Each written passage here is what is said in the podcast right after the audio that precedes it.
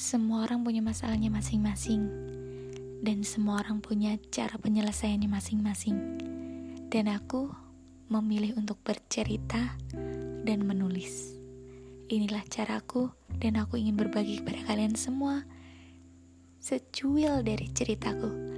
Semoga ceritaku menginspirasi kalian, dan tetap jaga kesehatan.